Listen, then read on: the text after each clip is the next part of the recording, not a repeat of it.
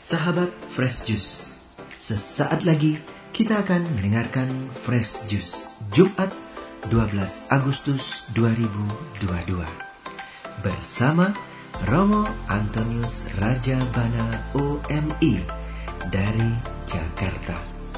Selamat mendengarkan.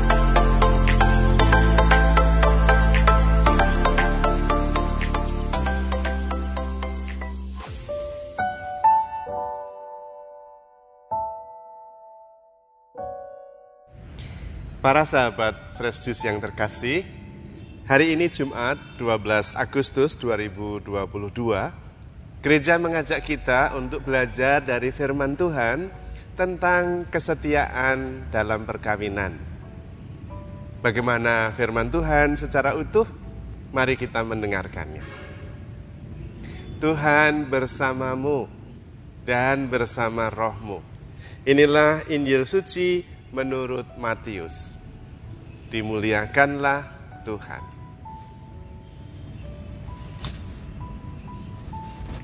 Pada suatu hari, datanglah orang-orang Farisi kepada Yesus untuk mencobai dia.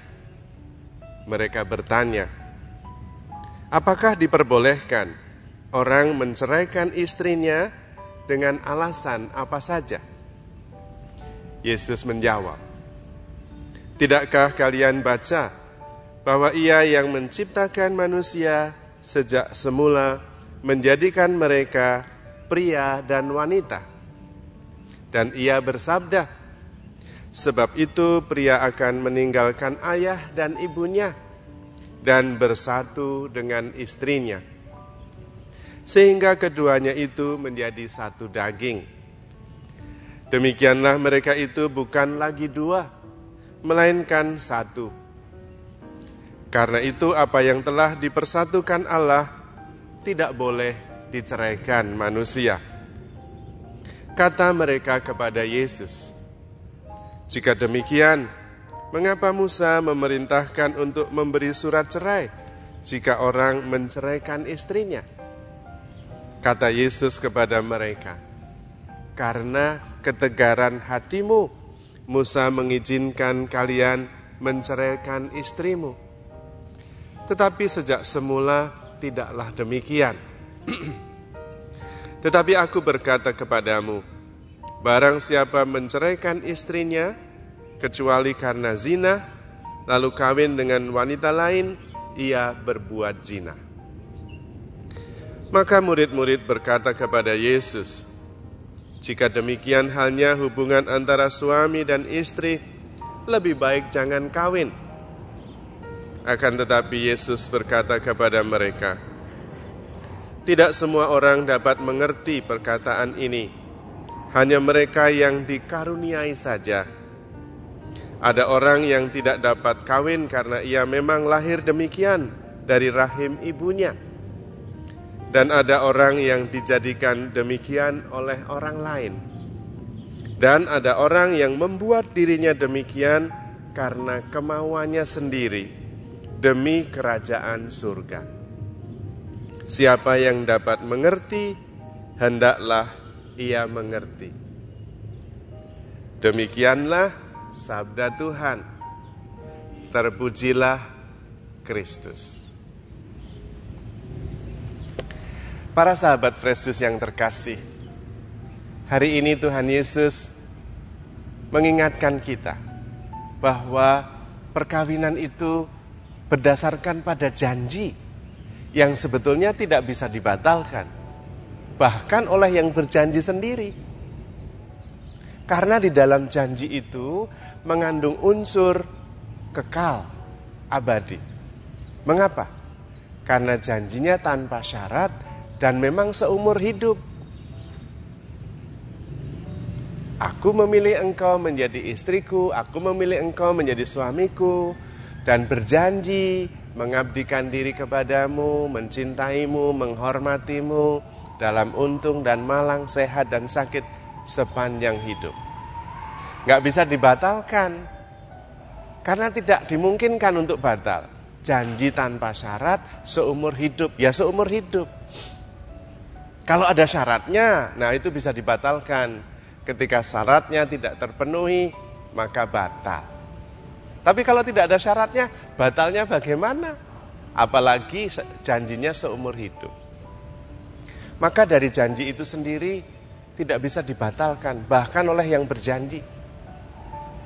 Apalagi saya sebagai imam, apalagi catatan sipil pengadilan, nggak bisa.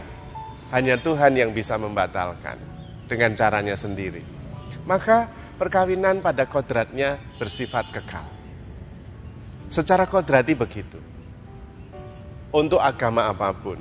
Coba saja ada orang yang menikah lalu tanya, Mas, sampean mau menikah untuk berapa lama? Oh ya marah, agama apa pun itu. Karena niatnya pasti untuk selamanya. Apalagi dalam janji terkandung unsur kekal itu. Dan memang cinta itu tak bersyarat. Kalau cinta tidak, kalau cinta bersyarat bukan cinta. Itu namanya jual beli. Maka cinta itu ya selamanya, tanpa syarat. Dan orang yang bisa mencintai saja tanpa syarat, dalam untung dan malang, sehat dan sakit seumur hidup, wow itu orang hebat sekali. Pasti hebat, pasti bahagia, pasti suci. Karena itu disebut sakramen. Maka sebetulnya suami istri yang saling berjanji mencintai tanpa syarat seumur hidup itu luar biasa sekali. Pasti orang yang dewasa, pasti orang yang kuat, pasti orang yang mampu.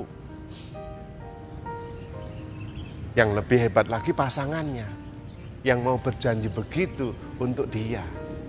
Dari sekian banyak dia menjanjikan cinta yang tanpa syarat seperti itu. Maka suami istri itu hebat sekali.